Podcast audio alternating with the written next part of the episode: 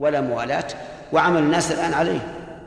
تجد الإنسان مثلا الذي فيه جرح لا يمسحه ولا يغسله يتوضأ في بيته وإذا جاء إلى المسجد تيمم.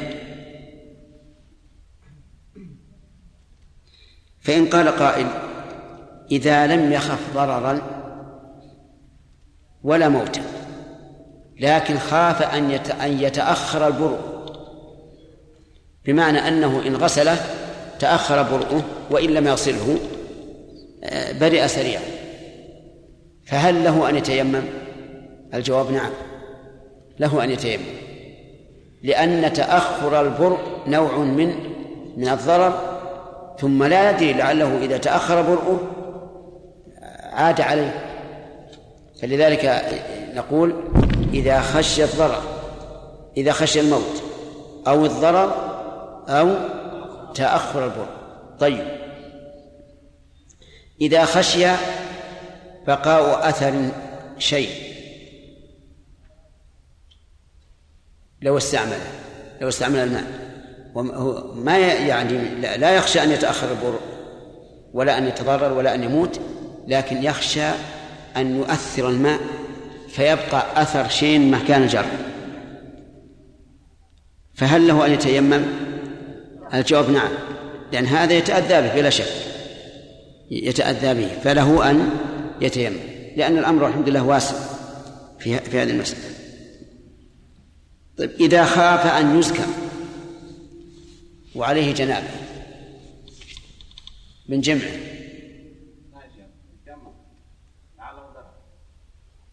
كيف يتيمم؟ هو ما ما يجي ضرر. يقول لا يخشى الموت ولا يخشى الضرر. لكن يخشى من الزكاة. ها؟ لعله مرض. ويمكن أن لا يكون مرضا؟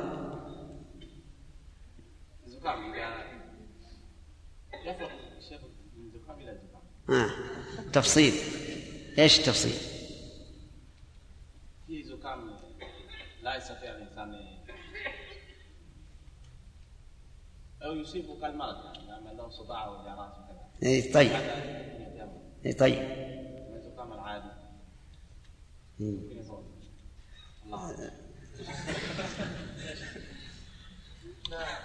الزكام يختلف من انسان لاخر وان كان الانسان يعلم ان الزكام يبعده عن الصلاه وعن الخروج هذا لا يتم هذا يتم نعم كان يعلم ان الزكام مما خفيف إيه. طيب يعني حول ما قال الأخ عبد الرحمن إذا نقول وش عند خالد؟ الزكام واحد لأن الزكام مرض الله عز وجل قال وان كنتم مرضى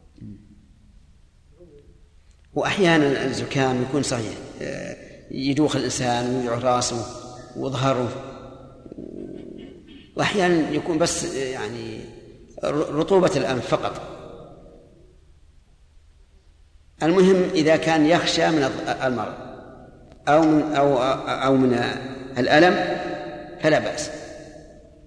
طيب. ما وقت السؤال يا أخي انتظر. ها؟ جاي وقت السؤال ما سمعت الساعة نعم. خل من يسأل؟ نعم.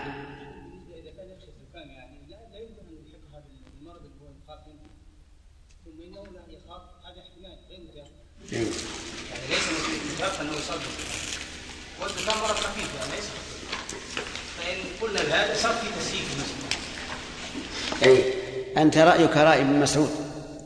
ابن مسعود لو لما نظره أبو موسى رضي الله عنه في أنه إذا خاف البرد فإنه يتيمم قال ابن مسعود إذن كلما رأى إنسان الليلة باردة ذهب يتيمم. فأبو أبو موسى رضي الله عنه قال له ماذا تقول في قوله تعالى إن كنتم مرضى أو على سفر؟ فلم يجد جوابا نرى أن المرض سواء كان شديدا أو خفيفا أنه يبيح التيمم. وهذا يمكن أن يعلم يا دكتور رشاد يمكن أن يعلم بحال الإنسان. إذا كان إذا قدرنا أن الرجل آه، لو خلع ثيابه ليغتسل أصابه الهواء فبالتأكيد بيجي زكام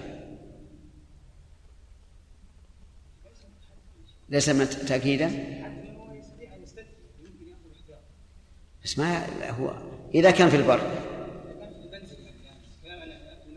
لا في المنزل ربما ياخذ الاحتياط وحينئذ لا لا- يخشى الزكاة. نعم.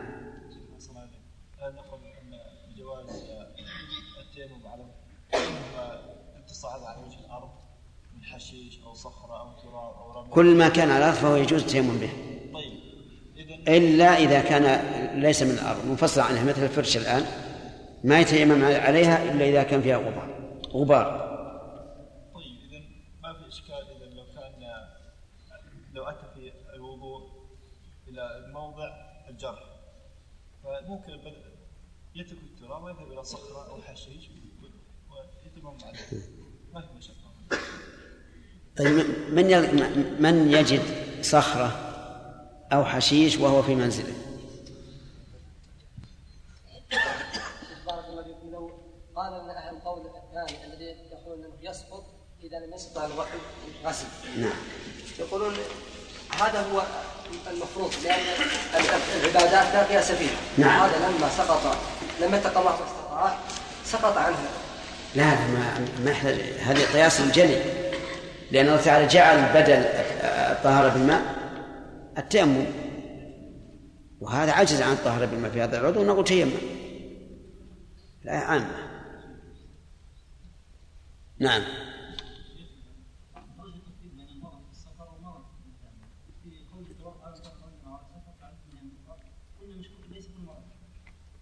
المرض هذا ولو ولو في- البلد. المرض ولو في البلد. والسفر ذكر الله السفر عز وجل لأنه مظنة عدم الماء. ها؟ أي نعم.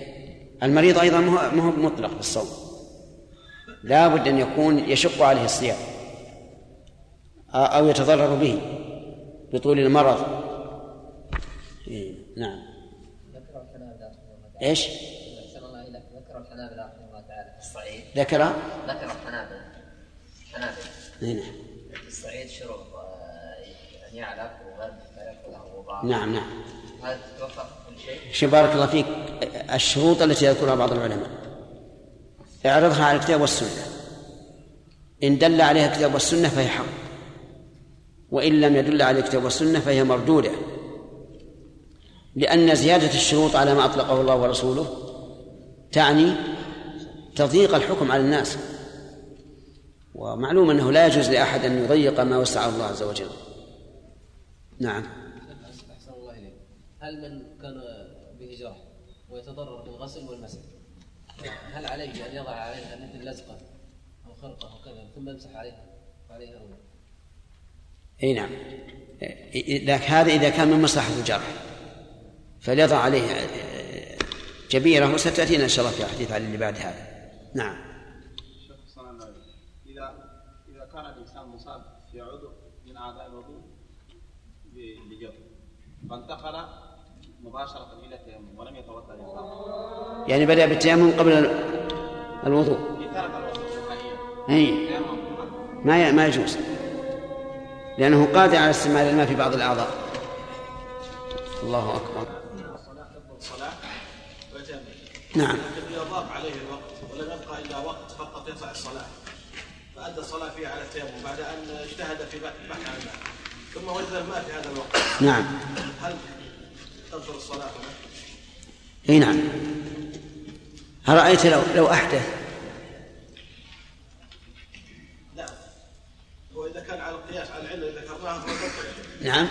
إذا على العلة التي ذكرناها تبطل لكن يعني لا لديه وقت الآن. وقت وقت ما يضر ما يضر. نفس الشيء. نفس الشيء لو أحدث في أثناء الصلاة و- ولم يبق من الوقت إلا إلا بقدر آه، نصف الصلاة مثلا. نقول يتوضأ ويصلي. لا ما انتهى. قلنا إن هذه طهارة من نوع آخر. طهارة التيمم من نوع آخر. فلا يشترط أن تلي الطهارة بالماء حتى في الغسل. حتى في الغسل. الغسل كلها بالماء. لا في مسألة الموالاة الغسل. الغسل اللي يتوضأ يغتسل بالماء. فالطهارة من جنس واحد. طهارة ماء. فلا بد أن يتوالى. لا مهم تيمم ما ت- ما تسأل عن اختيارنا في الغسل الذي هو بالماء؟ ها. إذا كان فيه جرح. قلنا لا يشترط فيه موالاة ولا ت- ولا ت- ولا ولا ترتيب. في الوضوء والغسل أيضا. الغسل أصلا ما فيه ترتيب. الموالاه ما فيه إلا موالاة أي نعم أي نعم. لأن اختلاف ال- الطهارة. هذه طهارة ماء وهذه طهارة تراب- إذا كان الجرح في أحد أعضاء أعضاء التيمم في الوجه والكف هل إذا قلنا له تيمم ناقصا كيف؟ لا يمكنه مسح كل إي نعم. هذا يسقط. هذا يسقط. مثل ما لو عدم الماء أو التراب. يعني لو فرض أنه حتى ما ما يستطيع مسح وجهه كإنسان محترق. فيسقط عنه. يتيمم يتيمم يعني يد- يستطيع؟ اي لا بأس. على القاعدة. إذا أمرتكم بأمر فأتوا منه ما استطعتم. حديث علي رضي الله عنه قال انكسرت إحدى زندي فسألت رسول الله صلى الله عليه وعلى آله وسلم فأمرني أن أمسح على الجبائر رواه ابن ماجه بسند واه جدا. قوله انكسرت إحدى زندي. الذراع فيه عظمان فيه عظمان. متباريان كل واحد منهما تسمى زندا فانكسرت إحدى زنديه رضي الله عنه فوضع عليها جبائر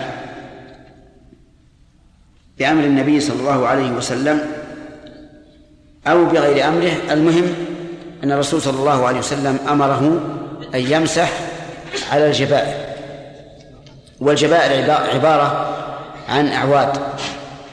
أربعة أو اثنان آه، تشد على محل الكسر بعد أن يلائم الكسر بعضه إلى بعض ثم تشد عليها الجبائر وتحتها خرقة وفوقها خرقة. وذلك من أجل أن ينضبط العظم حتى لا يختل بعد أن كان متلائما. وهذا النوع من الجبائر مفيد جدا وهو أفيد بكثير مما يفعله الأطباء الآن من وضع الجبس. لأن الجبس ما يشد ال- الرجل جيدا ثم إنه يكون فيه رائحة كريهة وهو أيضا مؤذن لل- للإنسان من جهة ثقله وتحمله. لكن هذه الجبائر يسيرة جدا ولا تكلف ولا تتعب. والغالب أنها أسرع نجاحا من مما يفعله ال- الأطباء الآن. قال أن أمسح على الجبائر. الجبائر جمع جبيرة وهي كما قلت لكم ما يشد على الكسر. وسميت جبيرة بمعنى جابرة تفاؤلا لأن العرب يعبرون عما يستكره باسمه بما يقابله تفاؤلا. ولذلك سموا المهلكة سموها مفازة. من باب التفاؤل وهذا حسن لأن النبي صلى الله عليه وعلى آله وسلم كان يعجبه الفأل. هذا الحديث يقول المؤلف رواه ابن ماجه بسند واه جدا الواهي الضعيف. وها بمعنى ضعف وجدا مصدر عامله محذوف تقديره أجده جدا يعني أجد هذا الحكم جدا. أي أحق أحقه إحقاقا.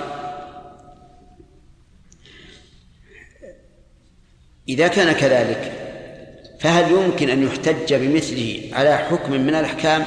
ولا سيما الحكم الذي يتعلق بالصلاة وهي أعظم أركان الإسلام بعد الشهادتين؟ الجواب لا. ولكن يبقى أن ننظر هل له شواهد. إذا كان له شواهد تقويه. صار حسنا لغيره كما قال أهل العلم بالمصطلح. فيقول الشاهد عن جابر رضي الله عنه في الرجل الذي شج فاغتسل فمات.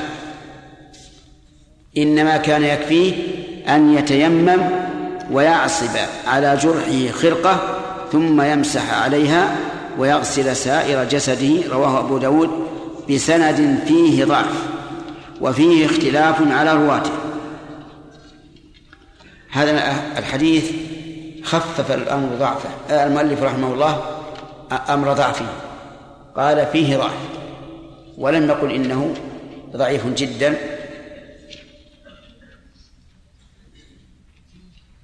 فربما يقال إنه صالح لأن يكون شاهدا لحديث علي رضي الله عنه. وقد يقال إنه ليس بشاهد لأن حديث علي ضعيف جدا جدا فلا يحتج به. وإذا كان ضعيفا ساقطا يبقى هذا فيه ضعف أيضا وفيه اختلاف على رواته لا في متنه ولا في سنده. وعلى هذا ففيه ضعف وفيه اضطراب. وحينئذ يبقى الحكم في النفس منه شيء. فهل هناك قياس يعضد هذا؟ لننظر. أولا نشرح الحديث الذي ذكر المؤلف. هذا رجل كان بعثه النبي صلى الله عليه وسلم مع صحبه في سرية فشج وأصابته جنابة فسأل أصحابه ماذا ماذا يعني ماذا تقولون؟ قالوا لا نرى إلا أن تغتسل لأنهم رضي الله عنهم ليس عندهم شيء يستندون إليه فاغتسل فدخل الماء الشجة والشجة كما تعرفون هي الجرح الجرح في الرأس والوجه خاصة. وفي وفي بقية البدن يقال جرح ولا يقال شجة. آه، دخل الماء إلى إلى رأسه فمات. فمات. فبلغ ذلك النبي صلى الله عليه وعلى آله وسلم. فقال له فقال فيهم قتلوه قتلهم الله. هل لا سألوا إذا لم يعلموا؟ فإنما شفاء العي يعني الجهل السؤال. هذا الحديث بكماله. وقال عليه الصلاة والسلام إن إنما كان يكفيه أن يتيمم ويعصب يعني يشد مأخوذ من العصابة وهي ما يعصب به الرأس ويحيط به. على جرح على جرحه خرقة ثم يمسح عليها ويغسل سائر جسده فقال أن يتيمم ويعصب وظاهر اللفظ أنه يتيمم أولا ثم يعصب على جرح خرقة ثم يمسح عليها ويغسل سائر الجسد رواه أبو داود بسند فيه ضعف. في بعض ألفاظه إسقاط يتيمم. إسقاط يتيمم. وهذا الرواية التي فيها إسقاط التيمم أقرب من حيث القياس إلى إلى الصواب. فلننظر الآن إذا كانت الروايات ضعيفة عن الرسول عليه الصلاة والسلام لننظر القياس. القياس نقول هذا عضو ستر بساتر مباح للضرورة. فأيما أقرب؟ أن نلغي مسحه ونتيمم؟ أو نلغي مسحه والتيمم؟ أم نجمع بينهما؟ نقول له شيء يماثله بعض الشيء.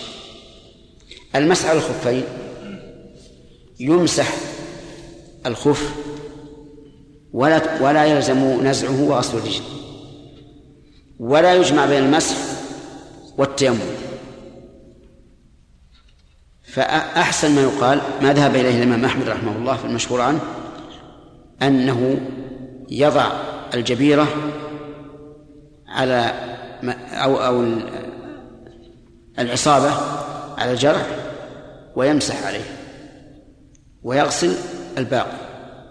ولا حاجة ولا حاجة للتيمم. هذا أقرب ما يكون من الأقوال. وأقرب ما يكون إلى القياس. وعلى هذا فنقول إذا حصل على الإنسان جرح يضره الماء غسلا ومسحا وقد عصب عليه عصابة فإنه يمسح هذه العصابة ويكفيه. فإن كان يضره القصر والمسح والعصابة بمعنى أن بقاءه هاويا للهواء والشمس أقرب إلى الشفاء. فهنا يتعين التيمم. هذا أقرب الأقوال في هذه المسألة. ويبقى النظر في مسائل. هل يشترط أن يضع هذه الجبيرة على طهارة؟ كما قلنا ذلك في في الخفين. في هذا خلاف بين أهل العلم. منهم من قال إنه يشترط لأنه ساتر ممسوح بدلا عن غسله فيجب أن يكون على طهارة كالخف ومنهم من يقول لا يشترط أن يكون على أن يكون وضعه على طهارة. أولا لأنه لا يمكن القياس لأنه لأن بين مسح الخفين ومسح الجبائر فروقا كثيرة.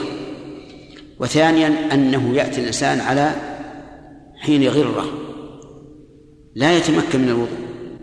إنسان سقط من من السيارة وانكسرت انكسرت رجله أو يده كيف نقول؟ نذهب يلزمه أن يذهب ويجب ويجبرها. نعم يلزمه أن يذهب ويطهر ثم يجبرها. هذا فيه مشقة. وربما إذا بردت إذا برد محل الكسر يصعب جدا جبره. فالصواب إذن أنه لا يشترط أن تكون على طهارة. ثانيا هل تمسح في الحدث الأصغر والأكبر؟ يعني الجبائر؟ الجواب نعم. تمسح في الحدث الأصغر والأكبر. لأن لأن مسحها ضرورة. ليس اختياريا كالخف فلا فيجوز أن يمسح عليها في الحدث الأصغر والأكبر. آه، ثالثا هل لها مدة معينة؟ الجواب لا. ليس لها مدة معينة. لأن هذه ضرورة فتتقيد بإيش؟ بقدرها بقدر الضرورة. وبناء على هذا نقول متى برئ الجرح؟ أو جبر الكسر؟ وجبت إزالته ولا يجوز إبقاؤها بعد ذلك. فإذا جبر الكسر أو برئ الجرح. فهل يلزمه أن يعيد الاغتسال إن كان قد اغتسل عن جنابه أو الوضوء أو لا يلزمه؟ لا الصواب لا يلزم لأن هذه الطهارة طهارة كاملة. وإذا كانت طهارة كاملة حسب ما أمر فإنه لا يلزمه أن يعيد الغسل ولا الوضوء. فإن قال قائل ألستم تقولون إنه لو عدم الماء وتيمم عن جنابه أو عن وضوء ثم وجد الماء فإنه لا يصلي إلا بعد استعماله؟ فالجواب بلى لكن فرق بين طهارة التيمم وهذه الطهارة. هذه الطهارة تعتبر طهارة بماء لأنه غسل بقية الجسد ومسح على الجبائر فالطهارة إذا طهارة ماء. طهارة التيمم طهارة تراب بدل. فإذا وجد المبدل منه تعين استعماله. هذا هو الفرق. المسح عليها. هل يجوز؟ المسح عليها فيما لو وضع عليها شيئا من الحرير. يعني جعل الربط يعني إصابة من الحرير وهو رجل. هل يجوز المسح عليه؟ أو لا يجوز؟ نقول يجوز المسح عليه. إذا كان يتضرر بإيش؟ بحلها. إذا كان يتضرر بحلها جاز المسح عليه. لأن المسح عزيمة. وليس رخصة حتى نقول إنه لا يستباح بالمعصية. بل نقول يجوز المسح عليه ما دام يخشى الضرر بحلها ولو قال قائل إذا كان يمكنه أن يحلها ثم يعيدها هل يلزمه ذلك؟ نقول إذا كان لا يتضرر بهذا ولا يخشى على نفسه من الضرر يلزمه لأن الحكم يدور مع علته. مثل بعض اللزقات التي تكون على موضع الألم. أحيانا يكون في الإنسان ألم في ظهره أو صدره أو أحد أعضائه فيضع عليه لزقة. نقول إذا كان لا يتضرر بخلعها وجب عليه الإخلاع ثم ثم يعيدها بعد ذلك. وإن كان يتضرر أو يخشى الضرر فإنه لا يلزمه وهذا يقع كثيرا في من يكون عليه لزقة في ظهره ويحصل عليه جنابة. ويقول أنا إذا خلعتها لا أتضرر غاية ما هنالك أن أن تفوت علي هذه اللصقة فنقول هذا لا يضر لأن ثمنها قليل. وما لا يتم الواجب إلا به فهو واجب والواجب غسل جميع البدن. أما إذا كان يخشى من الضرر فلا فإن الله تعالى قد رفع الحرج عن هذه الأمة. قال وعن ابن عباس رضي الله عنه قال من السنة أن يسأل لا يصلي الرجل بالتيمم إلا صلاة واحدة ثم يتيمم نعم ثم يتيمم للصلاة الأخرى رواه الدار قطني بإسناد ضعيف جدا. سبق القول إعراب جدا. طيب يقول من السنة اعلم أن الصحابي إذا قال من السنة فتارة يكون المراد بها الواجب وتارة يكون المراد بها المسنون المستحب. ووجه ذلك أن السنة هي الطريقة والطريقة إما أن تكون واجبة وإما أن تكون سنة. مثال الأول الواجب أن ابن عباس رضي الله عنهما سئل عن الرجل يصلي أربعا مع الإمام وهو مسافر ويصلي ركعتين وحده فقال تلك هي السنة. الواجبة والمستحبة الواجبة. و... نعم. ومثالها في الواجب أيضا قول أنس رضي الله عنه من السنة إذا تزوج. الرجل البكر على الثيب أقام عندها سبعا ثم قسم أو قال ثم دار وإذا تزوج الثيب أقام عندها ثلاثا. قل من السنة هنا؟ يعني السنة الواجبة. ومن ذلك أيضا قول ابن عباس رضي الله عنهما حين جهر بقراءة الفاتحة في الجنا... في صلاة الجنازة قال إنما فعلت ذلك ليعلموا أنها سنة. يعني واجبة. أما السنة التي تكون للاستحباب فهو ما جاء في حديث ابن مسعود وإن كان فيه شيئا شيء من النظر من السنة وضع الكف على الكف فوق الصدر أو معنى هذا الحديث. هذا ليس بواجب هذه سنة غير واجبة ولكنها سنة مستحبة. هذا الذي معنا إذا صح هذا الأثر. من السنة ألا يصلي. هل هي من السنة الواجبة أو من السنة المستحبة. نعم يحتمل الأمرين.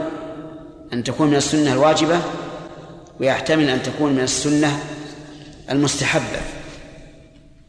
وإنما استحبت على سبيل الاحتياط.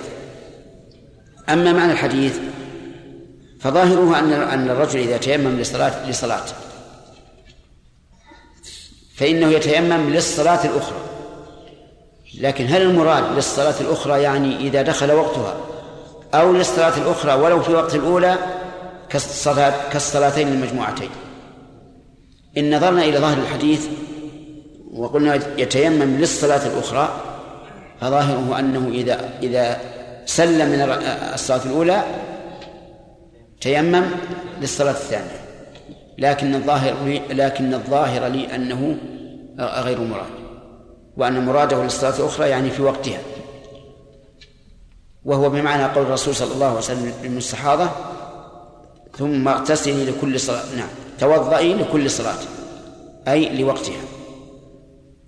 لكن هذا الأثر كما ترون أثر ضعيف جدا. ولم يذكر المؤلف له شاهد.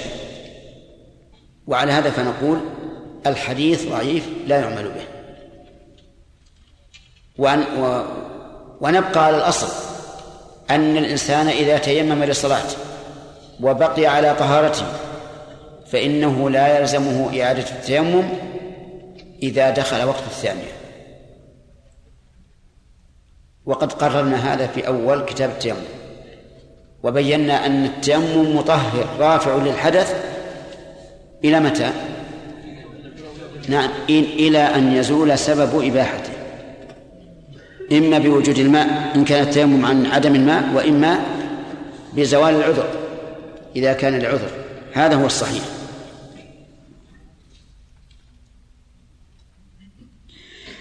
ما حكم هذا هذه الصيغة إذا قالها الصحابي؟ هل نقول إنها موقوفة أو إنها مرفوعة؟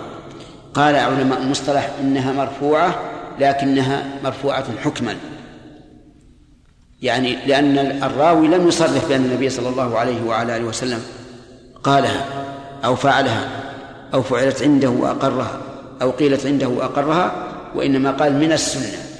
فإذا رأيت من السنة من قول الصحابي فإنه مرفوع حكما لأن الصحابي لا يمكن يقول من السنة إلا ويريد سنة الرسول عليه الصلاة والسلام لا سيما إذا قال ذلك على سبيل الاستدلال.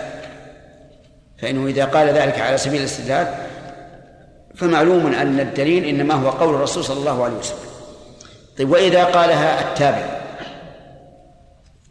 فهل يقال إنها مرفوعة حكما لكن السند منقطع؟ أو نقول إنها موقوفة؟ في هذا أيضا خلاف بين علماء المصطلح. منهم من قال إنها تكون موقوفة لأن الصحابي لأن التابعي في الدرجة الثانية. فإذا قال من السنة أي من سنة الصحابة التي أدركها إذ أنه لم يدرك النبي صلى الله عليه وعلى آله وسلم. فيكون من السنة أي من سنة الصحابة إما الخلفاء الراشدون أو غيرهم. و وقيل إنها مرفوعة حكما لكنها مرسلة. لأن الصحابي سقط منها فتكون من قسم الضعيف تكون من قسم الضعيف لأن المرسل من أقسام الضعيف. وعليه فإن فنقول إن كانت مرفوعة حكما فهي ضعيفة وإن كانت موقوفة فيبقى البحث هل قول الصحابي حجة أو ليس بحجة وهو محل خلاف أيضا. ثم قال المؤلف رحمه الله باب الحيض. الحيض مصدر حاضر بمعنى سال. تقول العرب حاض الوادي إذا سال وهو في, في الاصطلاح والعرف هو سيلان الدم الطبيعي الذي ترخيه الولد آه الرحم. عند البلوغ. خلقه الله تبارك وتعالى لتغذية الولد. وهو مكتوب على بنات آدم. منذ خلقهن الله. إلى يومنا هذا وإلى يوم القيامة. والله أعلم. لأنه دم طبيعة. ولذلك لا تجد المرأة تتضرر به مع كثرته وإنما يلحقها شيء من الضعف لكنه لو كان غير طبيعي لأضر بها كثيرا لأنه يخرج بغزارة. وهو معتاد. والغالب أنه يأتي كل شهر. والغالب أن أيامه ستة أو سبعة. هذا هو الغالب.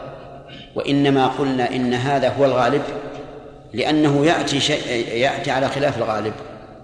أحيانا تكون المرأة لا تحيض إلا بعد شهرين. وأحيانا تحيض ست عشرة أيام. وأحيانا خمسة أيام. يعني تنقص أو تزيد. أحيانا لا يأتيها الحيض لمدة ثلاثة أشهر أربعة أشهر ثم يأتيها لمدة شهر كامل. وهذا وقع. يعني بعض النساء ما تحيض كل شهر ولا ولا الشهر الثاني ولا الثالث ولا الرابع في الخامس تحيض الشهر كله. وكأنه والله أعلم تجتمع وتخرج آه، في مدة طويلة. وهو يعتاد الأنثى عند البلوغ. ولا يمكن أن يقع في سن صغير إلا نادرا جدا. ولهذا قال الفقهاء لا حيض قبل تمام تسع سنين. هذا ما قالوه والصحيح أنه يمكن تحيض قبل تسع قبل تمام التسع. حسب تكوين خلقة المرأة بعض النساء تكون لها تسع سنين أو داخلة في التاسعة وتجد جسمها كبيرا يمكن أن ينزل منه الحيض. وبعض الناس بالعكس. المهم متى وجد هذا الحيض؟ هذا الدم الذي يسيل عند البلوغ أو قريبا منه فهو دم الحيض وله علامات منها اللون فلونه أسود قاتم ومنها الغلظ فهو غليظ ثخين. ومنها الرائحة فرائحته منتنة. ولهذا جاء في الحديث عن رسول الله صلى الله عليه وسلم إن دم الحيض أسود يعرف وفي لفظ يعرف أي له عرف أي رائحة. فهذه من علاماته. السواد وش بعد؟ والغلظ والرائحة. ذكر بعض المعاصرين من الأطباء أن له علامة رابعة وهي أنه لا يتجمد. يقول إنه لا يتجمد لأنه بإذن الله هو عبارة عن دم في الرحم متجمد ثم آه، يذوب وينزل. فذكروا أنه لا يتجمد. وقيل إنه لا بد أن يتجمد لكن لا يتجمد إلا ببطء بخلاف الدم العادي. الدم العادي يتجمد بسرعة. ويحصل ويثبت به أي بالحيض أحكام كثيرة جدا. أحكام شرعية تتعلق بالعبادات وأحكام اجتماعية تتعلق بالمعاملات كالحكم ببلوغها وإعطائها مالها إذا كان مالها إذا كان محجورا عليها وأحكام شخصية كعقد النكاح وتمام العدة وغير ذلك. المهم أن لها أن للحيض أحكاما كثيرة جدا. تعرف بالتتبع تتبع كلام العلماء رحمهم الله وبعض العلماء يجمعها أو يجمع أكثرها في مكان واحد. عن عائشة رضي الله عنها أن فاطمة بنت أبي حبيش كانت تستحاض فقال لها رسول الله صلى الله عليه وسلم إن دم الحيض دم أسود. يعرف فإذا كان ذلك فأمسكي عن الصلاة فإذا كان الآخر فتوضئي وصلي رواه أبو داود والنسائي وصحاب ابن حبان والحاكم واستنكره أبو حاتم. قوله صلى الله عليه وسلم إن دم الحيض نعم قول عائشة رضي الله عنها كانت تستحاض. كلمة استحاضت أو استحيضت. فيها زيادة عن حاضت. وش الزيادة؟ الهمزة والسين والتاء. وقد قيل إن زيادة المباني تدل على زيادة المعاني.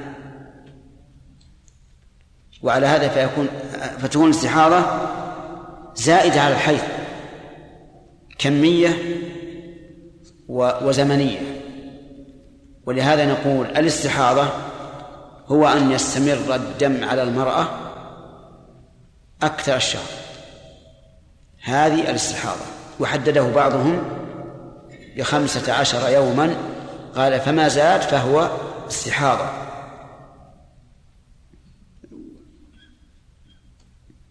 ولد من الاستحاضة علامات ضد علامات الحيض. فمثلا إذا قلنا أسود في دم الحيض نقول في دم الاستحاضة أحمر.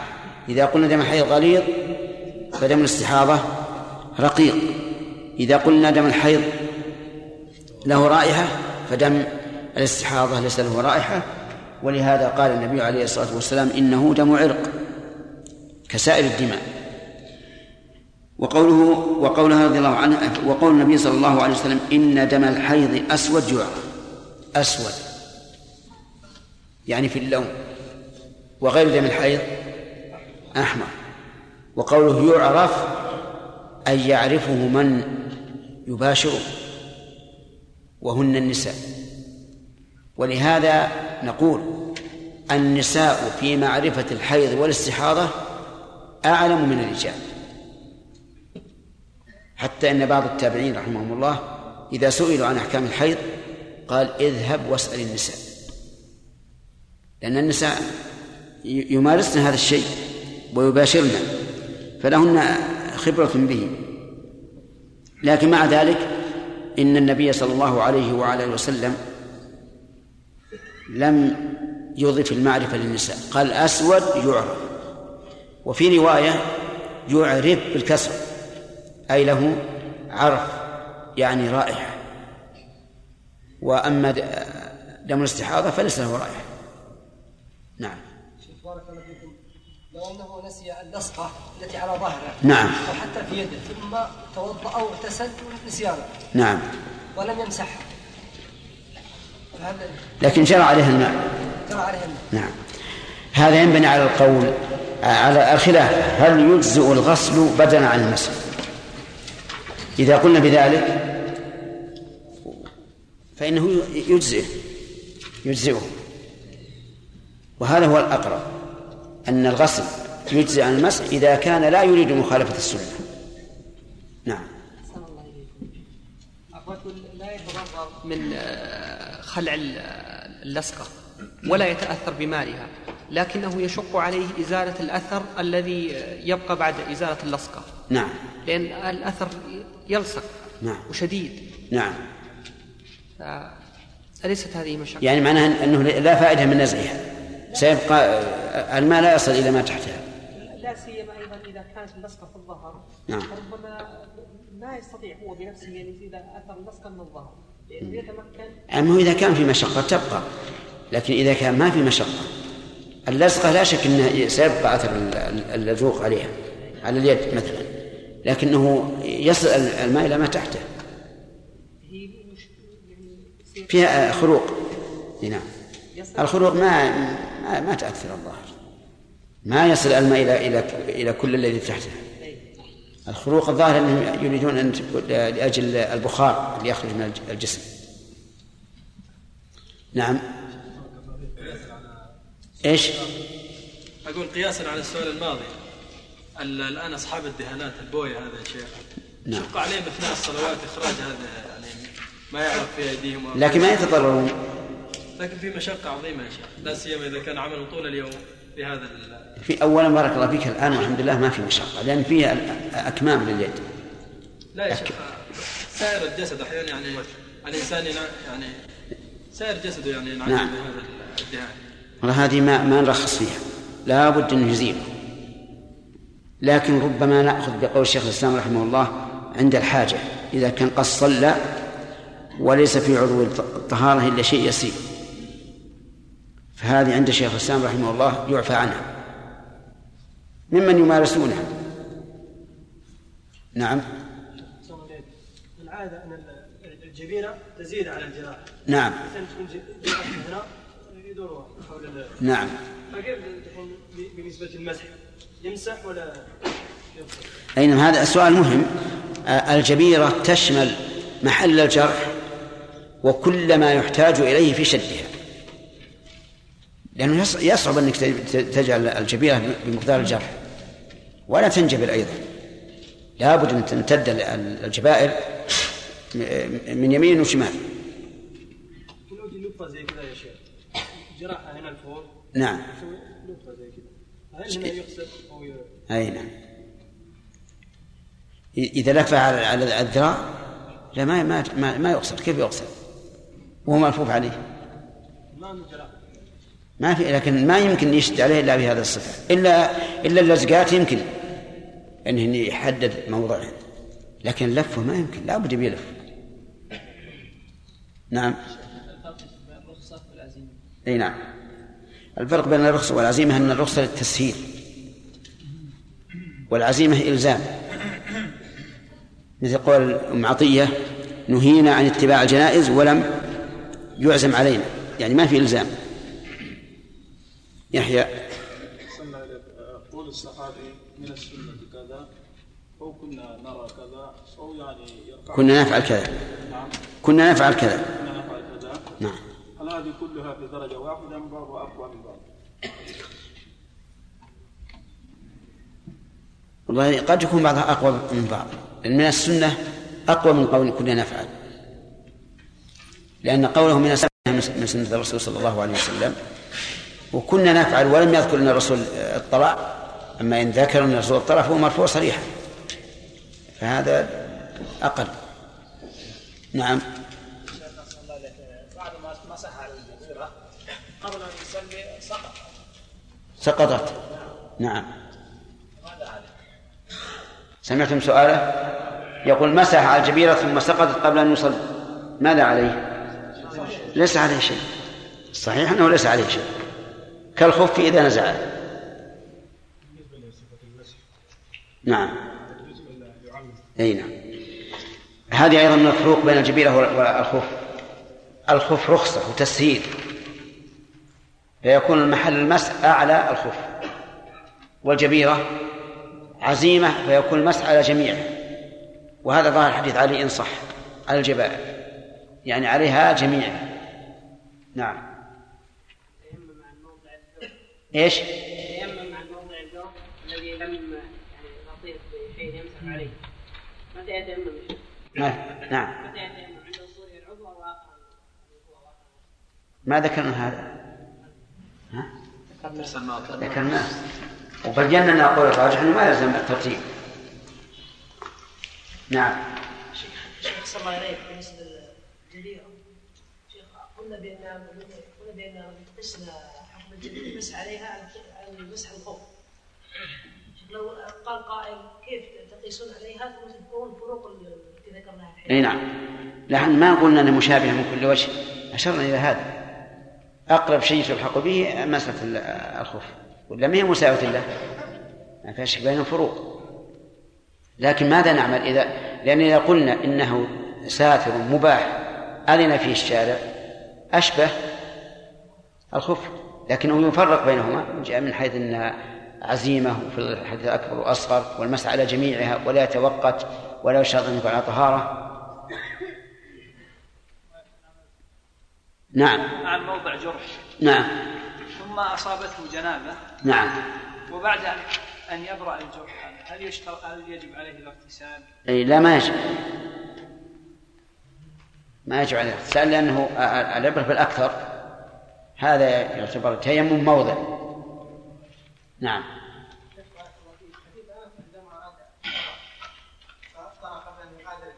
نعم.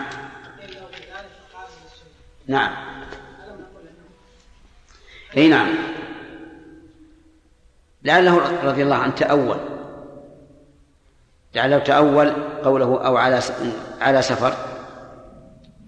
أن الذي تأهب للسفر وربط متاعه وأناخ بعيرة أنه على سفر. مثل ما يلقاك صاحبك مثلا وأنت بتمشي تقول والله أنا على سفر ماشي. لكن الصحيح أنه لا يجوز. الفطر حتى يدخل في السفر. يشترط في الجبيرة أن يكون طاهر؟ ما ذكرنا هذا. ذكرنا أن يكون يا عبد حرير الرحمن. ها؟ ذكرنا أن يكون حرير أو كذا هل يجوز لا. يجوز استعماله أنت تقصد طاهر نفس ال- الج- ال- ال- الإصابة؟ ولا أن الإنسان متطهر؟ لا نفس الإصابة. أي نعم. أي. لا بد أن تكون طاهرا لأن النبي صلى الله عليه وسلم لما أتاه جبريل وقال له إن في عليه قدرا خلعهم أو لا؟ خلعهم. لا بد أن تكون طاهرا لكن قل لي لو أنه جبر عظم الإنسان بعظم النجس مثل أن يجبر بعظم كلب يعني مثلا العظم سقط منه شيء ووضعنا بدله عظم كلب عظم الكلب نجس ماذا يصل ماذا يصل نقول إن غطاه اللحم ما يحتاج شيء يغسل الجلد وانتهى. وإلا يجب إزالته إلا إذا كان عليه ضرر. فهمت؟ نعم. نعم. الله أكبر. وبعثه مقام محمود الذي وعدته تكون نعم يا فراس. شيخ هل العظم يوضع فوق فوق اليد فوق مكان الكسر لكي في لأجل الشد أم انه يؤخذ شيء منه لا يؤخذ شيء منه ويوضع في في مكان الكسر. والكسر هنا مو مع انكسار فقط يسقط منه شيء من العظم. شيخ يعني هذا يحصل يا شيخ؟ يحصل. يحصل. إذا كسرت رجله شيء فوضع جبيرة فهل له أن يمسح كفا عليها ويمسح نعم.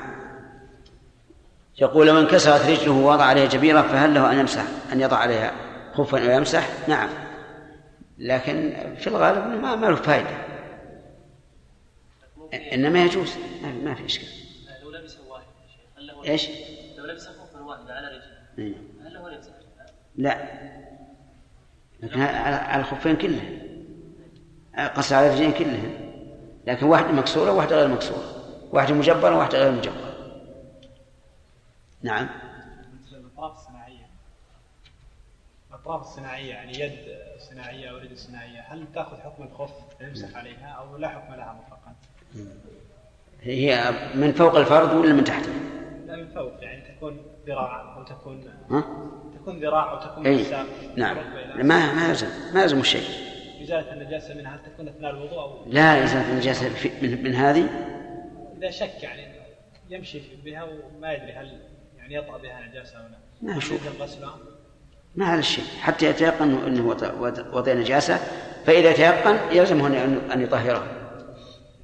نعم بعضهم يقول يا شيخ انها لا حياه فيه فلا تحمل نجاسه هذا صحيح إيش؟ العظام لا حياة فيها فلا تلحقه نجاسه نعم. هذا صحيح ما هو صحيح. هذا يعني مو بصحيح يعني بمعنى لا نرى أنه صحيح ولا قد قيل به. قد قيل إن العظم مثل الظفر ولكن ما هو صحيح. الآن العظم يحس الإنسان به. لو أن أحدا برد سنه أحس بالألم. لكن لو قص ظفره ما يحس وعلى آله وأصحابه أجمعين. التيمم من خصائص هذه الأمة. الدليل يا محمود.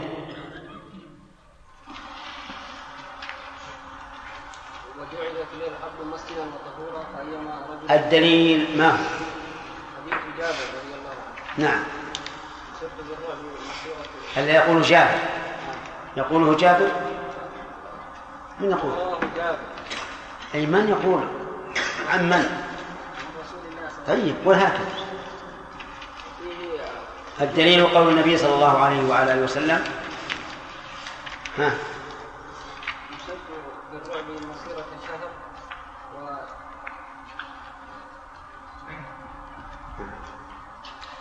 قوله صلى الله عليه وسلم وجعلت, وجعلت لي الأرض مسجدا وطهورا فأيما رجل أدركته صلاة فله مسجد وله طهور.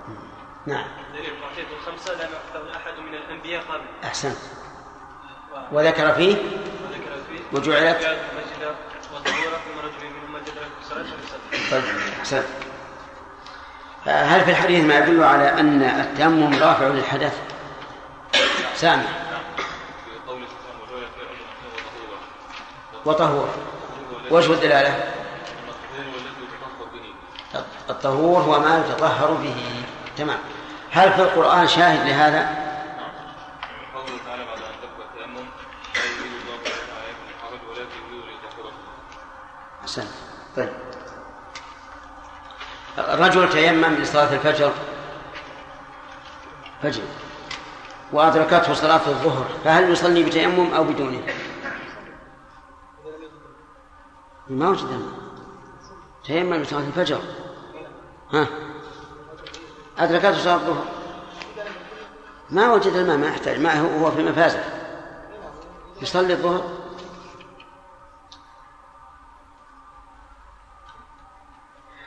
نعم. ما لم أحدث وكان من الحدث الاصغر إي ما أحدث. فعليها كمل يصلي؟ إيش الدليل؟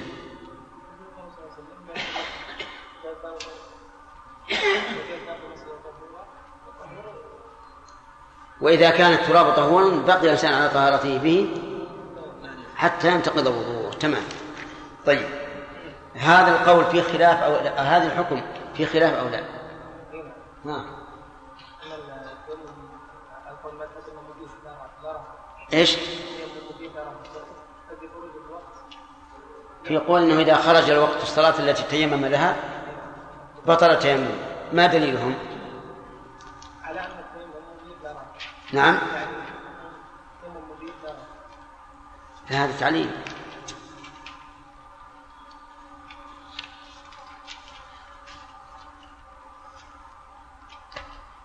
نعم حديث ابن عباس ما هو؟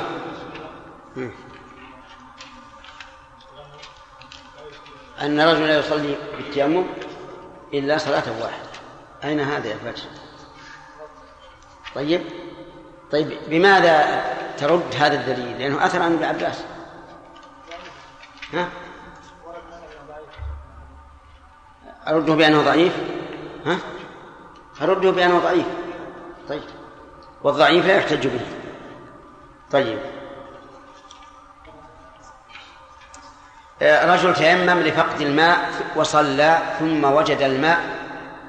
ولا. إذا وجد الماء ينقسم إلى ثلاثة أقسام. إذا كان في أثناء الصلاة فيجب عليه ترك الصلاة والتيمم أو والوضوء من الماء. وإذا كان بعد خروج الوقت فإنه لا شيء عليه. وإذا كان بعد الصلاة وفي أثناء الوقت فيه خلاف وصحيح أنه لا شيء عليه لا يجب الصحيح أنه لا شيء عليه. لأنه لا يجب عليه. العبادة مرتين. أن يصلي مرتين. نعم. وهذا صلى الصلاة الأولى بمقتضى الشريعة فلا يمكن أن نلزمه بالإعادة. بارك الله فيك. طيب. هل في هذا دليل؟ محمد نور. في هذا دليل؟ نعم. ما هو؟ قصد رجلين. كذلك خرج في سفر قام فقام أن بعث رجلين في سفر نعم. نعم. ثم تيمم للصلاة. حضرت الصلاة فتيمم وصلي نعم. ثم ثم جاء الماء فقام أحدهما فعاد ثم وجد الماء في الوقت. نعم. نعم. فعاد فعاد ثم الصلاة وال- والوضوء. والآخر لم يعد. فقال النبي صلى الله عليه وسلم الذي أعاد كان أجر مرتين. وأما الذي ما أعاد فقال سبت السنة. طيب ماذا يدل عليه الحديث؟ على أن الأفضل الإعادة أو عدم الإعادة؟ لا إعادة. عدم الإعادة؟ كيف يقول لك الأجر مرتين؟ كل يحب أن يؤجر مرتين. فصبت السنة. موافقة السنة؟ نعم. أولى من لأن هذا الذي أعاد مجتهد. أولى من الاجتهاد. نعم. هذا مجتهد هذا. تمام. يعني هذا أجر لأنه مجتهد لكن صرف السنة أفضل. نظيره لو أطال في سنة الفجر وأكثر من القراءة والدعاء يقول ب- بناء على أنه ظن أن ذلك هو الأفضل يثاب على عمله لكن إصابة السنة أولى نعم آه المسح على الجبيرة هل يتوقف كالمسح على الخفين أو لا؟ يعني هل نقول يوم وليلة للمقيم وثلاثة أيام للمسافر؟ ما يتوقف ما, ما يوقف إلى متى؟ إلى أن يجبر هذا الكسر فيزيل هذه. إلى أن يجبر الكسر فيزيل الجبائر. علل على قلنا علل لأن ال- الأحاديث في هذا ضعيفة نعم. أقول قلت علل لأن الأحاديث في هذا ضعيفة. فنرجع للتعليل. لأنها طهارة. طهارة إيش؟ ضرورة ولا رخصة؟ طيب لأنها طهارة ضرورة فتتقيد.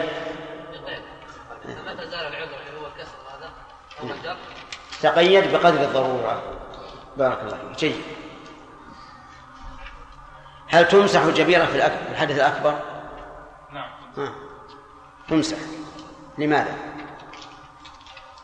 قوله تعالى فاتقوا الله واستعطوا ها؟ قوله تعالى فاتقوا الله واستعطوا عجز عن غسل فإنه يمسح عليه لعموم الأدلة الدالة على أنه لا يوجب على الإنسان إلا ما استطاع نعم أما حديث صاحب السرية فهذا ضعيف ولا لا؟ لكان دل... لكان فيه دليل واضح. الحيض نا- نأخذه الآن. يقول باب الحيض. فعرفوا لنا يا محمد. نعم الحيض مأخوذ من حاض الوادي إذا سال نعم. وهو دم طبيعة والجبلة يعتاد المرأة في أوقات معلومة إذا بلغت. طيب.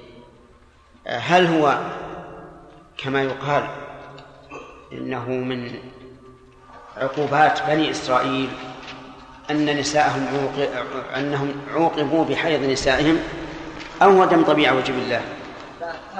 الثاني بدليل حديث عائشة. حزنت فقال النبي صلى الله عليه وسلم ان هذا شيء كتب الله على جاء أحسنت. كتب الله كتابة شرعية ولا ولا قدرية؟ كتابة قدرية.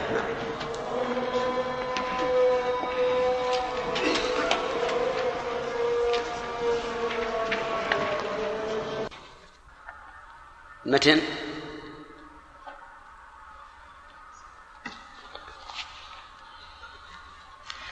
لا تتعلق عليها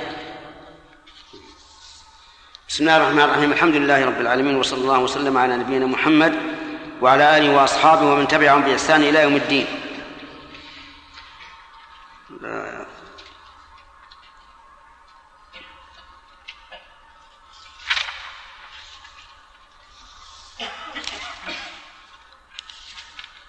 تحتاج يمكن تحتاج للتعليق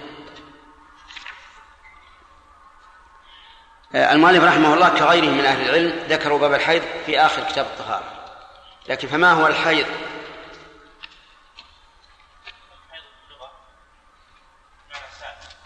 السيل. سيل الشيء. نعم. ومنه قول حاض الوادي بمعنى السال نعم. وفي ال- وفي الاصطلاح دم طبيعة وجبلة في الاصطلاح والشرع.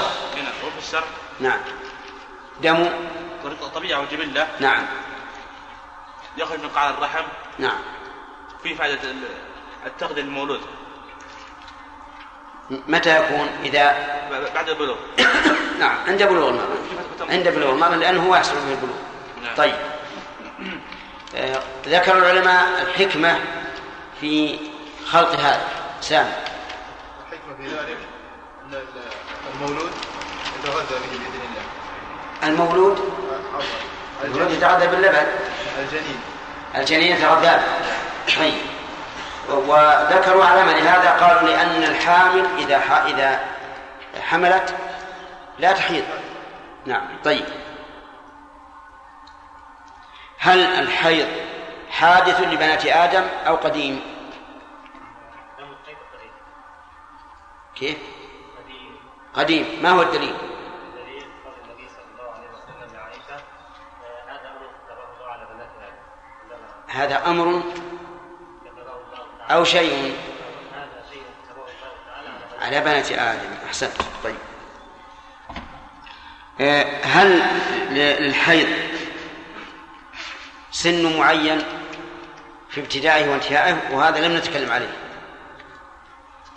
هذه المسألة اختلف فيها العلماء رحمهم الله فمنهم من قال إن الحيض له سن معين ابتداء وانتهاء. ولكن الصواب أنه ليس له سن معين لأن الناس لأن النساء تختلف. فقالوا ابتداؤه إذا تم لل- للأنثى تسع سنوات. وما قبل التسع فليس بحيض وانتهاؤه إذا تم لها خمسون سنة. فما بعد الخمسين ليس بحيض حتى لو أن الدم استمر معها بعد الخمسين على وتيرة واحدة وباللون والرائحة وكل طب وكل طبيعة الحيض فإنه لا يكون حيضا فيجب تجب عليه الصلاة والصيام ولا تنتهي به العدة والصحيح أنه لا حد لذلك لا ابتداء ولا انتهاء. لأن الله سبحانه وتعالى قال يسألونك عن المحيض قل هو أذى وأطلق. وكذلك السنة جاءت بذلك مطلقة. وأي شيء يأتي في القرآن والسنة مطلقا فإن تحديده تحكم يحتاج إلى دليل. في هذا وفي غيره. كل من حدد شيئا مطلقا في الشرع في الكتاب والسنة فإنه يحتاج إلى دليل. وهذا وهذا له أمثلة. منها الحيض ومنها الماء هل ينجس أو لا ينجس إذا بلغ قلتين أو لا ومنها السفر هل له مدة معينة هل له مسافة معينة وغير ذلك كثير. البحث الثاني هل له مدة معينة في أقله وأكثره؟ في هذا خلاف أيضا. فمن العلماء من قال له مدة في أقله وأكثره. أقله يوم وليلة وأكثره خمسة عشر يوم. وقال بعض العلماء إنه لا حد لذلك لأن النصوص الواردة في الحيض مطلقة لم تحدد زمن معين. ولا شك أن هذا القول أصح وأريح للنساء لأن القائلين بتحديد المدة يتعبون النساء. يقولون لابد أن يتكرر ثلاث مرات من غير أن يختلف. فإن اختلف فما تكرر ثلاثا فهو حيض وما زاد فليس بحيض حتى يتكرر ثلاثا. ولهم في ذلك تفاصيل. حتى إن بعض العلماء جعل باب الحيض 150 صفحة لكثرة التفاريع التي ليس عليها سلطان. فالصواب أن الحيض دم معروف. متى وجد؟ ثبت حكمه ومتى انتفى؟ انتفى حكمه. لكن إذا إذا طرأت عليه الزيادة على خمسة عشر يوما فهنا ينبغي أن نقول ما زاد على الخمسة عشر يوما فإنه استحاضة لأنه استوعب أكثر الزمن فيكون استحاضة ترجع بعد ذلك إلى عادته. أما لو كان من أول الأمر يأتيها الحيض لمدة سبعة عشر يوما فكل واحد إذا استمر كذلك إذا علمنا أن الزائد على خمسة عشر كان نتيجة لتأخر الحيض لأن بعض النساء كما حدثتكم بذلك يتوقف عن الحيض لمدة ثلاثة أشهر أو أربعة ثم يأتي الحيض شهرا كاملا. هذه نقول كل شهر كل شهرها حيض لأننا نظرنا إلى القرينة فوجدناها تدل على أن الحيض بقي في الرحم وانحبس ثلاثة أشهر أو أربعة أشهر ثم خرج مرة واحدة. الاستحاضة إذا طرأت على المرأة فماذا تصنع؟ ذكر المؤلف رحمه الله حديث عائشة أن فاطمة بنت أبي حبيش رضي الله عنها كانت تستحاض وهذا شرحناه أولا. وقلنا أن العلماء رحمهم الله اختلفوا في حكمه. فمنهم من قال إن هذا الحديث في المبتدأة. وش معنى المبتدأة؟ يعني التي أتاها الحيض أول مرة واستمر معها. فهذه ترجع إلى التمييز. التمييز يعني الدم هل يختلف أو لا يختلف. فإذا كان بعض دمها يتميز عن الآخر فما كان له صفات الحيض فهو حيض وما لم يكن له صفات الحيض فهو فليس بحيض. فما هي العلامات؟ ذكرناها فيما سبق. نعم. الحيض أسود له منتن الرائحة ثخين نعم. ولا يتجمد كما ذكره بعض العلماء المعاصرين. طيب. فهذه نقول ترجع إلى التمييز. لكن لو كان التمييز يزيد على خمسة عشر يوما وينقص يزيد وينقص حينئذ يكون ما زاد على خمسة عشر يوما حكمه حكم الاستحاضة. كما لو لم كما لو لم تكن مستحاضة أصلا. وهذا الذي ذكرته في أن هذه المرأة فاطمة كانت مبتدأة وأن المبتدأة تعمل بالتمييز هو مذهب الإمام أحمد رحمه الله. وعنه رواية أخرى أنها آه، تعمل بالتمييز حتى ولو كانت معتادة. حتى المعتادة تعمل بالتمييز. يعني فنرجع إلى التمييز مطلقا. لا لا بعدين بعدين. آه، نرجع إلى التمييز مطلقا.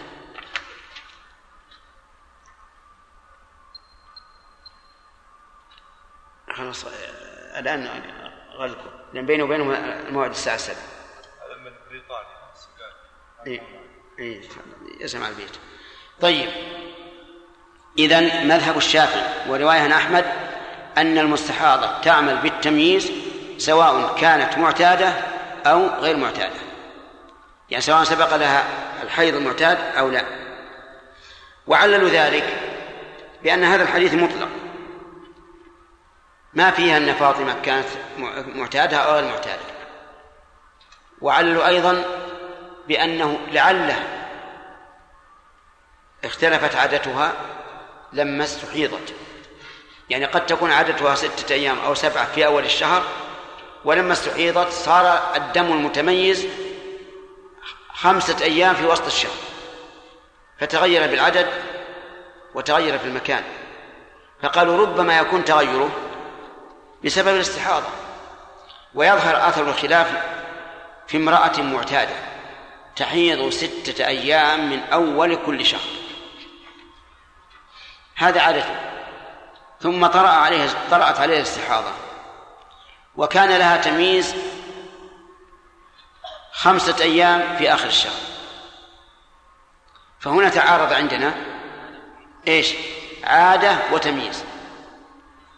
فمن العلماء من قال نقدم التمييز وهو رواية عن الإمام أحمد ومذهب الشافعي. ومنهم من قال نقدم العادة لما سيأتي إن شاء الله في الأحاديث. أما الأولون فعللوا ذلك بأنه ربما يختلف محل الحيض بسبب إيش؟ الاستحاضة. ربما يكون الحيض فيما سبق من أول الشهر والآن تأخر إلى آخر الشهر لوجود هذا المرض وهو الاستحاضة. وأما الذين قالوا تغلب العادة فقالوا إن هذا مقتضى الحديث الآتي إن شاء الله وقالوا إن هذا أضبط وأريح للمرأة. أن يقال اجلسي عادتك وما زاد على ذلك فهو استحاضة سواء كان أسود أو غير أسود. ولا شك أن هذا أريح للمعتادة. أما المبتدأة فنعم التمييز لا بد من العمل به. وفي حديث أسماء بنت عميس رضي الله عنها عند أبي داود ولتجلس في مركل يقول هو الإجانة التي توصل فيها الثياب. كان والله أعلم الطش الكبير. فإن رأت سفرة فوق الماء فلتغتسل للظهر والعصر غسلا واحدا وتغتسل للمغرب والعشاء غسلا واحدا وتغتسل للفجر غسلا واحدا وتتوضأ فيما بين ذلك؟ يعني بذلك المستحاض. إذا استحيضت تجلس في مركب يعني طش كبير واسع. فإذا رأت أثر الدم في هذا الصفرة فوق الماء فإنها تكون مستحاضة فتغتسل ثلاث مرات في اليوم والليلة. الغسل الأول للظهر والعصر والثاني للمغرب والعشاء والثالث للفجر. وفي هذا الحديث آه، يقول نعم وفي هذا الحديث دليل على أن المستحاضة تجمع بين الظهر والعصر وبين المغرب والعشاء. ولكن هذا على سبيل الاستحباب إذا طلبنا منها أن تغتسل. أما إذا لم نطلب أن تغتسل فإن لها أن تجمع لمشقة الوضوء ولها أن لا تجمع. لكننا نأمرها بالجمع إذا أمرناها بالاغتسال. وعلى هذا فنقول المستحاضة تؤمر بالاغتسال لكل صلاة. وإذا شق عليها أن تغتسل للصلوات الخمس اغتسلت ثلاث مرات وتجمع بين الظهر والعصر وبين المغرب والعشاء. لكن هذا الاغتسال ليس بواجب وإنما هو سنة كما سنذكر إن شاء الله وحينئذ نقول إذا لم تغتسل فالأفضل أن تصلي كل صلاة في وقتها فإن قالت إنه يشق عليها قلنا لها أن تجمع ولو تطهرت من الوضوء. وعن حمنة بنت جحش قالت كنت أستحاض حيضة كثيرة شديدة كثيرة في الكم شديدة في الاندفاع يعني معناها تطول مدتها وهي شديدة. أي يخرج منها دم كثير. فأتيت النبي صلى الله عليه وسلم أستفتيه فقال إنما هي ركضة من الشيطان فتحيضي ستة أيام إلى آخره. قولها أستفتيه أي أطلب منه الفتية. والنبي صلى الله عليه وسلم مفتي والله تعالى أيضا, أيضا مفتي. والفتية هي الإخبار عن حكم شرعي. وحينئذ يقول ما أنا أستفتيه أي أطلب منه أن يخبرني عن حكم شرعي فيما نزل بها. وقوله فإنما هي ركضة الركضة بمعنى الرفسة. كما قال الله تعالى أركض برجلك. يعني أرفس بها. من الشيطان يعني أن الشيطان حصل منه رفسة في الرحم فنزل منه الدم. فتحيضي ستة أيام أو سبعة أيام ثم اغتسلي تحيضي أي اجلسي للحيض ستة أيام أو سبعة.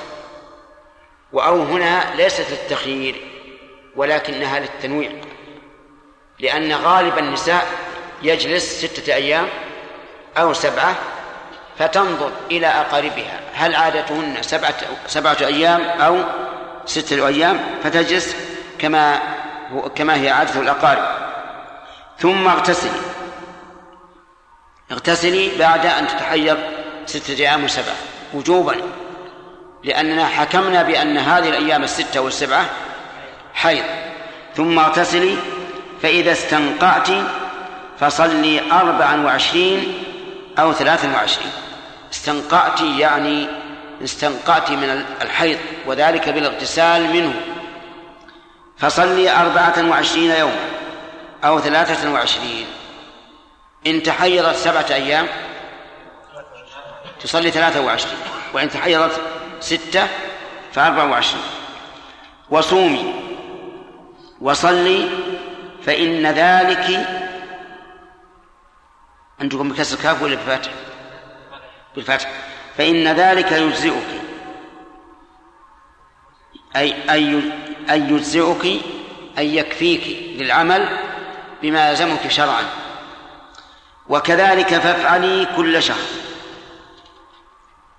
وقوله كذلك تفعلي يعني أن تجلس ستة أيام وسبعة تحيض ثم بعد ذلك تغتسل وتصلي. كما تحيض النساء. قوله كما تحيض النساء يعني لأن الغالب أن النساء يحضن ستة أيام أو سبعة.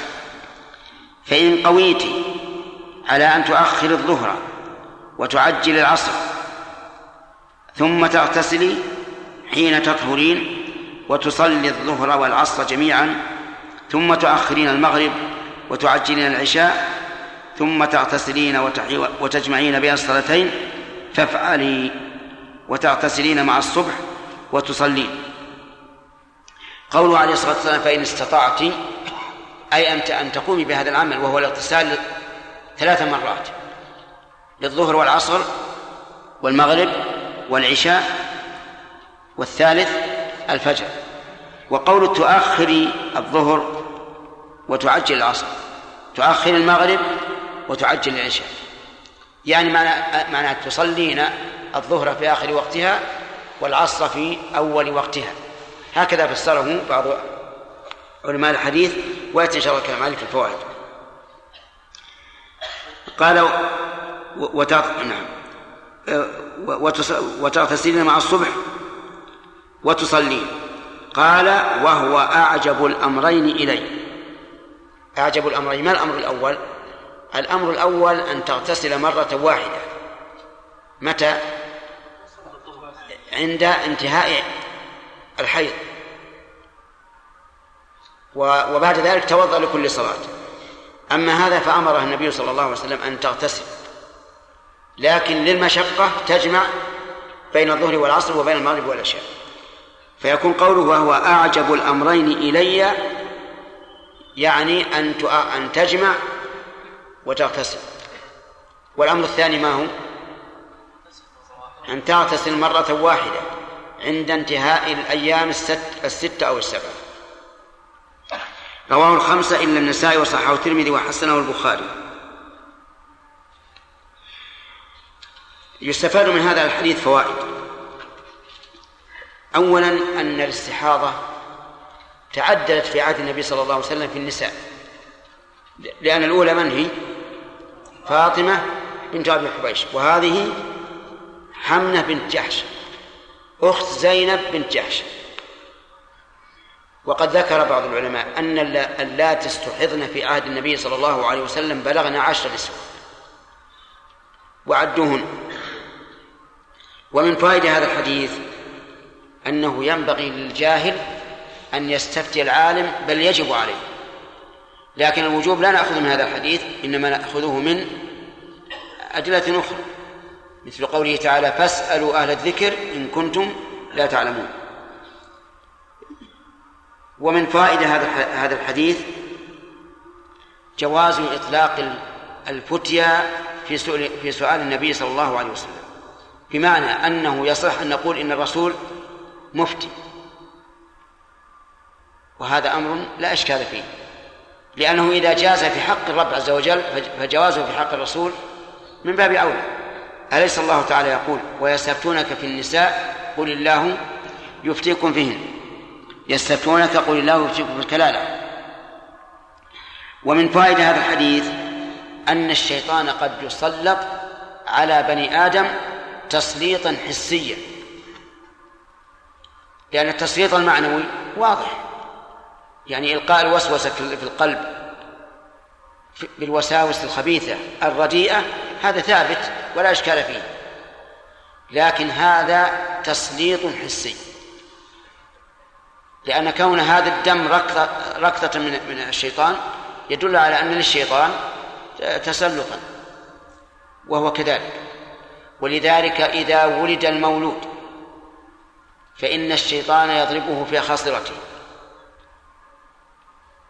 ولذلك يبكي عند الولادة. كما جاء في الحديث إذا استهل المولود صارخا ورث.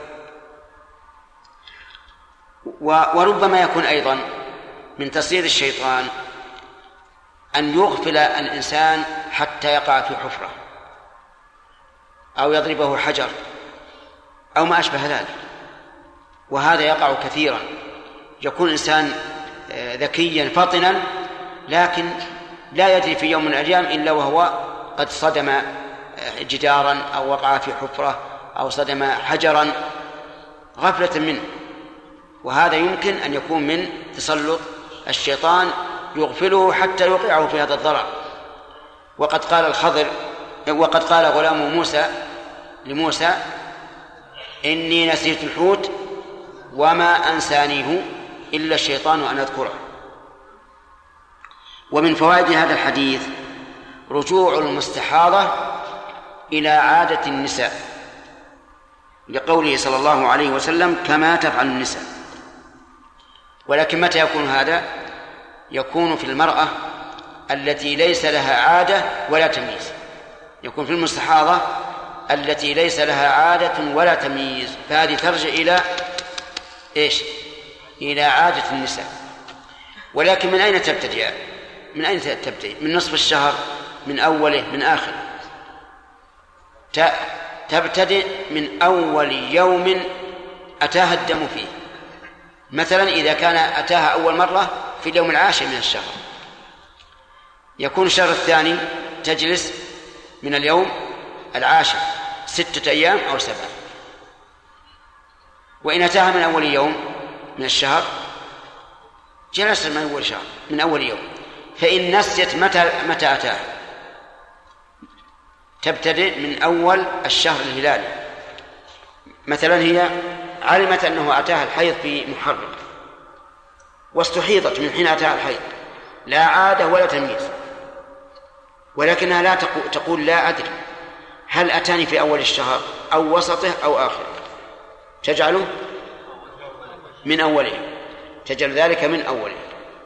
من باب الاحتياط واتقوا الله ما استطعتم. ومن فوائد هذا الحديث أن الصوم والصلاة محرمان على الحائض. لقوله وصومي وصلي. وهذا أمر مجمع عليه. وظاهر هذا الحديث أنها لا تصوم حتى تغتسل وتستنقذ. يعني قال فإذا استنقعت فصلي. وصومي وص... أربعة وعشرين وصومي وصلي. لكنه باعتبار الصوم غير مراد. لأن الحائض يصح منها أن تصوم إذا طهرت من الحيض قبل الاغتسال. كامرأة طهرت قبل الفجر بربع ساعة ولم تغتسل إلا بعد الفجر. فهل لها أن تشرع بالصوم قبل الاغتسال؟ الجواب نعم. لأن لأن شأنها حينئذ كشأن الجنوب. والجنوب قد صح عن النبي صلى الله عليه وسلم أنه كان يصبح صائما وهو جنوب من جماع صلوات الله وسلامه عليه. ومن فوائد هذا الحديث أن عادة النساء قد تكون ستة أيام أو أو سبعة. وهل المرأة مخيرة بين هذا وهذا؟ الجواب لا لأن تخييرها مشكل. لأنها في اليوم السابع إما أن نقول إن الصلاة حرام عليها أو نقول إنها واجب عليها وهذا تناقض. إذا كيف نعمل؟ والرسول يقول هذا أو هذا. نقول أو هنا إيش؟ للتنويع وعليه فلتنظر إلى عادة نسائها إما ستة أو سبعة وتعمل بذلك. ما كملنا الفوائد. نعم. طيب.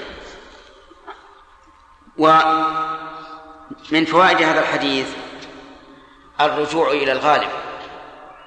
الرجوع إلى الغالب. وهل وهل يتناول هذا جميع الأحكام؟ الجواب نعم. يتناول جميع الأحكام. فمثلا رجل حلف أن لا يفعل شيئا. حلف لا يفعل شيئا وفعله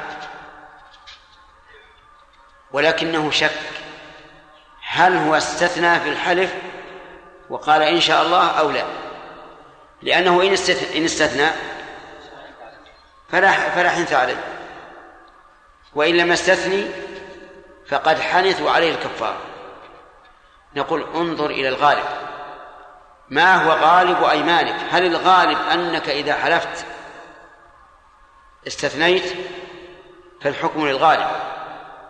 وأما إذا كان الغالب ألا تستثني أو ترددت أيهما أغلب فإنه يجب عليك آه، تجب عليك الكفارة لأن الأصل عدم عدم الاستثناء. طيب. ومن فوائد هذا الحديث أن الغالب في النساء أن يحضن ثلاثة في كل شهر مرة لقوله فافعلي كل شهر وهذا هو الواقع. أن الغالب في النساء أن يحضن كل شهر مرة. ويدل لذلك أن الله جعل عدة المطلقة التي تحيض ثلاثة حيض. وعدة من لا تحيض ثلاثة أشهر. وهذا يدل على أن الحيض يأتي النساء في كل شهر. ومن فوائد هذا الحديث أن المستحاضة مخيرة بين أمرين. إما أن تغتسل عند انتهاء الحيض حكما. متى يكون هذا؟ إذا مضى ستة أيام أو سبعة. ثم تتوضأ لكل صلاة. وإما أن أن تغتسل لكل صلاة. ولا ولكن فيما إذا طلبنا منها أن تغتسل لكل صلاة ينبغي لها أن ترفق بنفسها. وذلك بأن تجمع بين الظهر والعصر وبين المغرب والعشاء. ما هو ممتين لا إلا الله اللهم صل على محمد اللهم رب هذه الدعوة التامة والصلاة القائمة. آت محمدا الوسيلة والفضيلة. وبعث مقام. نعم. الله عليك. ما يكون في أول الحيض من النقطة والنقطتين مما جرت فيه عادة النساء التي بعده هل له